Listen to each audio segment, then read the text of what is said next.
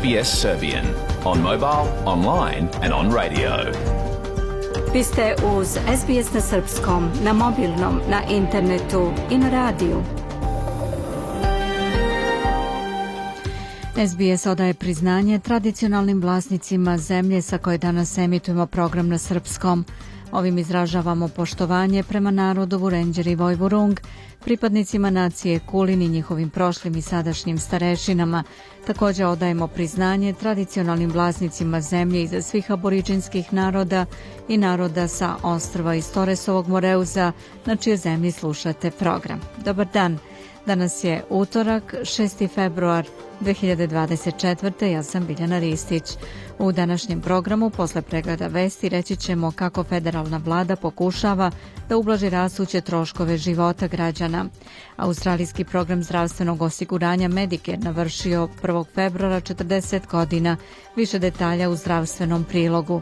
Mija Nikolić detaljnije o aferi akušerskog nasilja u Srbiji, a danas više i o lunarnoj novoj godini.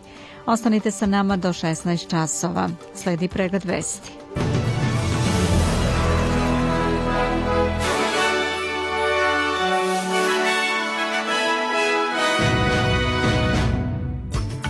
Kralju Charlesu diagnostikovan rak. Parlamentarci se vratili na posao. Zakoni o odnosima na radnom mestu, stanovanju i stranom podmićivanju na dnevnom redu. Srbija predala zahtev za sazivanje vanredne sednice Saveta bezbednosti Ujedinjenih nacija zbog situacije na Kosovu i Metohiji.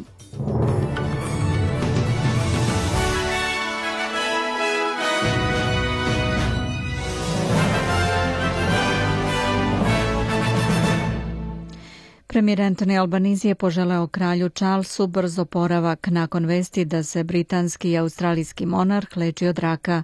Kralj Charles je prošlog meseca proveo tri noći u bolnici nakon što je prošao korektivnu proceduru za benigno uvećanu prostatu, kada je zapažen dodatni zdravstveni problem koji je izazvao zabrinutost. Predstavnici Buckinghamske palate nisu saopštili dodatne detalje o vrsti raka, ali kažu da nije u pitanju prostata. Gospodin Albanizi je rekao za ABC da će u doku dana stupiti u kontakt sa kraljevskom porodicom.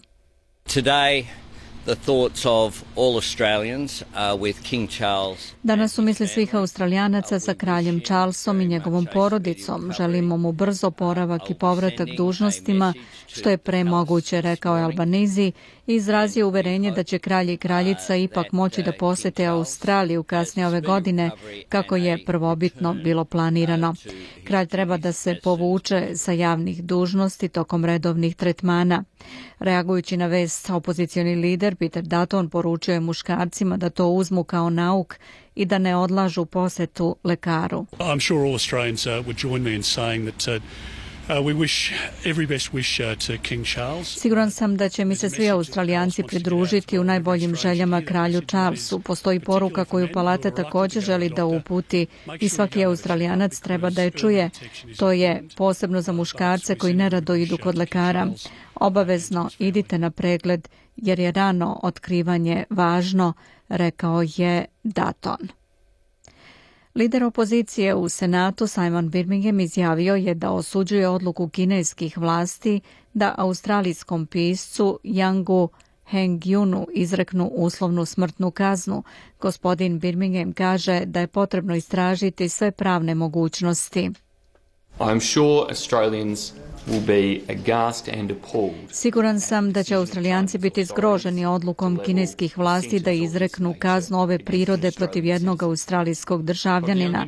Dr. Yang Hengyun je izdržao pet godina nepravednog pritvora u neizvesnosti i sada se suočava sa perspektivom neograničenog. Ova porodica se suočava sa mogućnošću da se nikad više ne sretne sa svojim voljenim članom, rekao je on.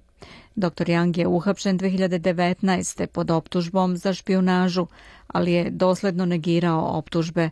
Ministarka spoljnih poslova Penny Wong kaže da joj je rečeno da se ovo može promijeniti u doživotni zatvor nakon dve godine, a premijer Albanizi je izjavio da Australija čvrsto stoji na svojim pozicijama u ovom slučaju. Federalni političari prisustovali su službi u prezbeterijanskoj crkvi Svetog Andreja u Kamberi u oči prvog dana zasedanja u 2024. Crkvena služba se održava na početku svake saborske godine.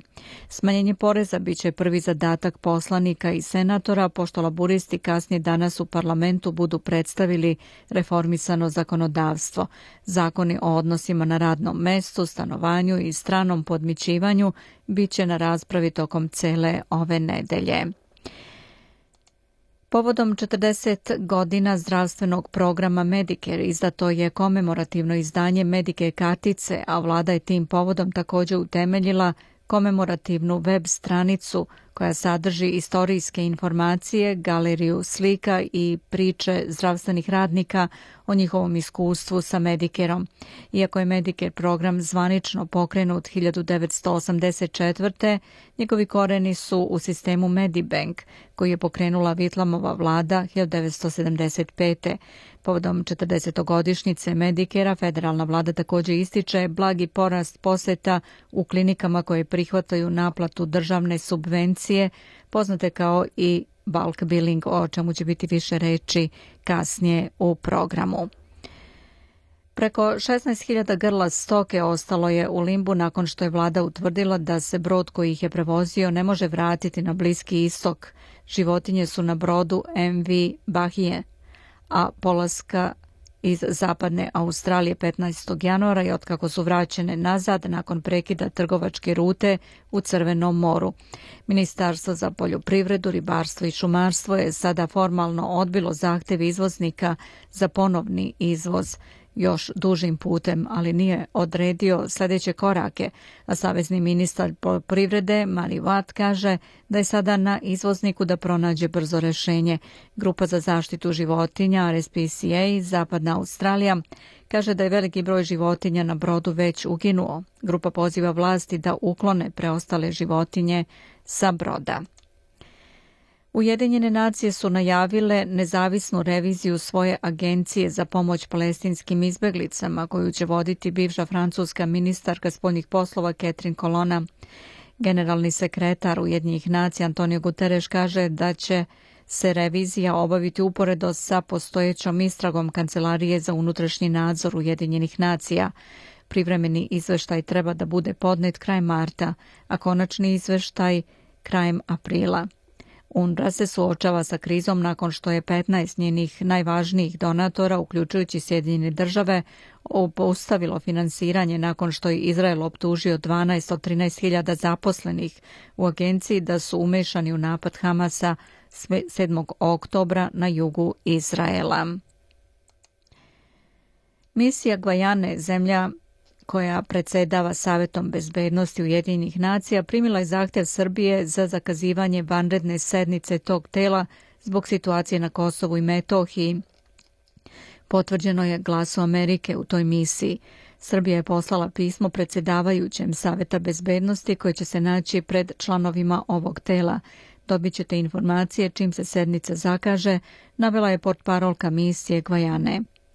Prvi potpredsjednik vlade Srbije i ministar spoljnih poslova Ivica Dačić izjavio je ranije u Rimu da je šef stalne misije Srbije pri Ujedinjenim nacijama Nemanja Stevanović predao zahtev za održavanje hitne sednice Saveta bezbednosti predsjedavajućem u kojem se skreće pažnja na aktualnu situaciju na teritoriji Kosova i Metohije, koja je u opštoj suprotnosti sa poveljom Ujedinjenih nacija i rezolucijom Ujedinjenih nacija 1244 ističe da takva situacija zahteva održavanje posebne sednice Saveta bezbednosti, prenosi radio televizija Srbije. Mi ćemo veoma brzo imati odgovore na sva ova pitanja. E,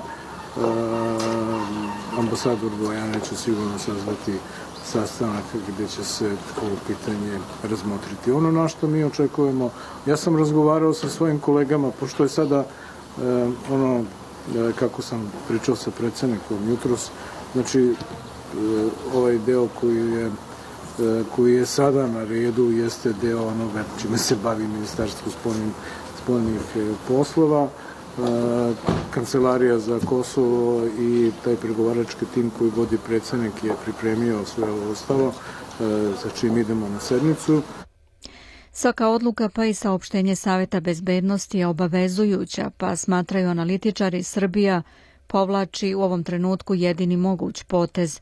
Nekadašnji ambasador pri Ujedinjenim nacijama Branko Branković kaže za Kosovo online da se postavlja opšte pitanje šta Srbija predlaže i da li to stvarno ugrožava mir. Činjenica je da ugrožava mir u najmenju ruku kod nas u regionu. Prema tome, Savet bezbednosti po pravilu će ipak da sedne i da zaseda. Drugim rečima da stavi to na dnevni red. E, sad se postavlja pitanje hoće li se taj dnevni red i ta tačka usvojiti. Potrebno je devet pozitivnih glasova, ali pošto je to proceduralno pitanje, tu ne postoji prava veta. Tako da pravo veta kogod hoće ne može, može da kaže ne, ali to nije veto.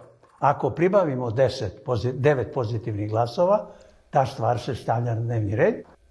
Dragan Šutanovac, predsjednik Saveta za strateške politike, kaže za radio televiziju Srbije da Srbija povlači potez sa željom da svet sazna šta Kurti radi. Također kaže da nije optimista što se tiče stavljanja ove teme na dnevni red Saveta bezbednosti Ujedinjenih nacija. Ja moram da priznam da nisam optimista, ne zato što ta tema nije nama važna, ali mislim da ta tema trenutno u svetu ne spada ni u prvih deset najvažnijih tema, tako da mislim da će biti izuzetno teško da se izlobira i pridobije devet delegacije koje bi trebale da glasuju za to, ali ako pogledamo saopštenja koja su dale zapadne zemlje, koje je dala Amerika, nije nemoguće da se iznenadimo i da dobijemo 9 plus glasova i da konačno to bude tema na Savetu bezbednosti.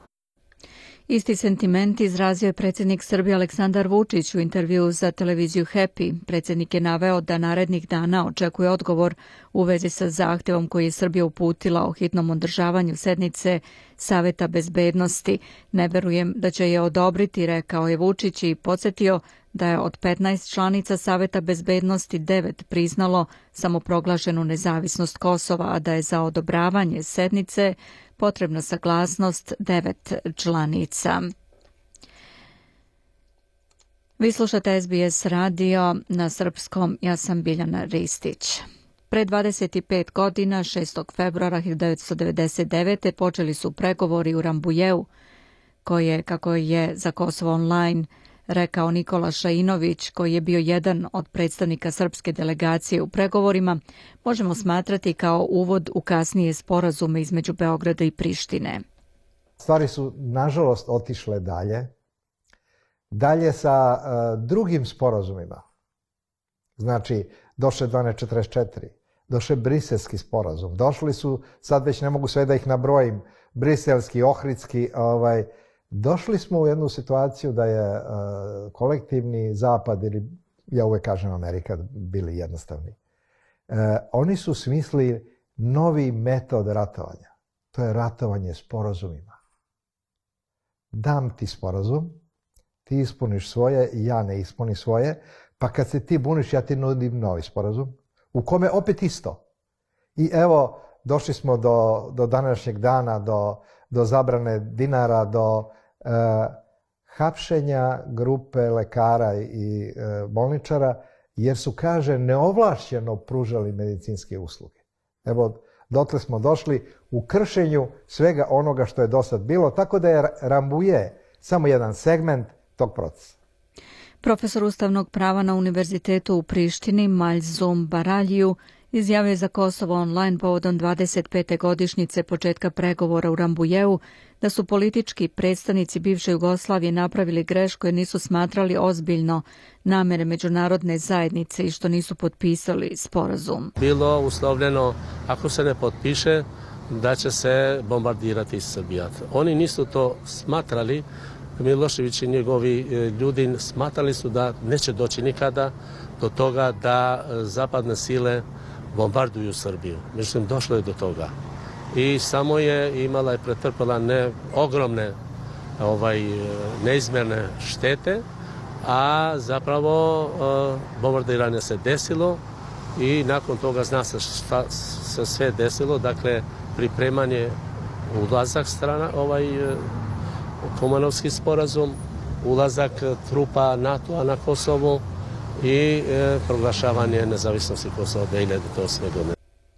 Na pitanje da li postoji nekakva veza između događaja tada i sadašnjih s obzirom na to da su ambasador Sjednjih država u Srbiji Christopher Hill i pomoćnik američkog državnog sekretara za evropska pitanja James O'Brien učestvovali u razgovorima u Rambujevu, Šejnović kaže da postoji i da su oni deo Bajdenove administracije koja je nastavak ostvarivanja plana.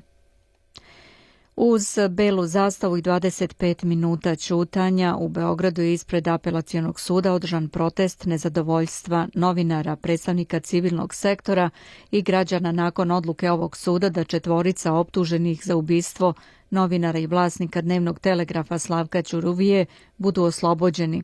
Predsjednica fondacije Slavko Ćuruvija Ivana Stevanović kratko se obratila okupljenima na početku protesta rečima da su zanemeli što se deset meseci krila odluka apelacionog suda. Optuženi za ubistvo Ćuruvije su pripadnici tadašnje službe državne bezbednosti Radomir Marković, Milan Radonjić, Miroslav Kurak i Ratko Romić, koji je apelacioni sud odlukom donetom u aprilu prošle godine oslobodio optužbi. Ova presuda je objavljena u javnosti tek posle deset meseci u petak 2. februara. U ponedeljak prepodne premijerka Srbije u tehničkom mandatu Ana Brnabić i ministarka pravde Maja Popović izjavile su da su očekivale osuđujuću presudu u ovom slučaju. Da pogledamo i kolika je vrednost australijskog dolara danas prema američkom vredi 65 američkih centi, 60 euro centi, 52 britanska penija i 70 srpskih dinara, 80 para. Najznačajnije vesti iz sporta donosi Branko Cvetojević. Muška vaterpolo reprezentacija Srbije pobedom je startovala na svetskom prvenstvu u Dohi. Delfini su u meču prvog kola grupne faze takmičenja savladali Japan sa 17-10 i tako napravili prvi važan korak ka plasmanu na olimpijske igre u Parizu. Najefikasniji u redovima Srbije bio je Nikola Jakšić sa pet postignutih golova, U drugom meču grupe C vaterpolisti Crne Gore pobedili su Sjedinjene države sa 16-15 posle boljeg izvođenja peteraca. Prethodno meč je završen nerešeno 11-11. Srbija je tako već na startu stekla bod prednosti u odnosu na drugoplasiranu Crnu Goru, s kojom se sastaje u narednom kolu u sredu uveče. Za to vreme reprezentacija Australije poražena je na početku takmičenja u Dohi od selekcije Hrvatske rezultatom 13-8. Vaterpolisti Australije u drugom kolu prvenstva sveta igraju u sredu uveče protiv Južne Afrike, koja je na startu pretrpela težak poraz od Španije 21 prema 5. Loše veče za najbolje srpske klubove u regionalnoj košarkaškoj ABA ligi – U sinoć odigranim utakmicama 19. kola Crvena zvezda je pretrpela ubedljiv poraz u Podgorici od budućnosti 84-62, dok je Partizan izgubio na domaćem parketu od Splita rezultatom 74-67. Neuspeh u Crnoj Gori neće se odraziti na plasman Crvene zvezde koja ostaje lider Jadranske lige sa dve pobede više od budućnosti, dok je Partizan sa druge pao na četvrtu poziciju. Crnobele je pretekla i ekipa Cedevita Olimpije, koja je u 19. kolu slavila u Čačku protiv borca 65-74. I na kraju ovog bloka da pogledamo i vremensku prognozu. Tokom popodneva u većim gradovima u Pertu je sunčano sa 31 stepen. Adelaida također sunčano 24, sunčano je i u Melbourneu 21. Razvedravanje tokom popodneva u Hobartu 19 stepeni.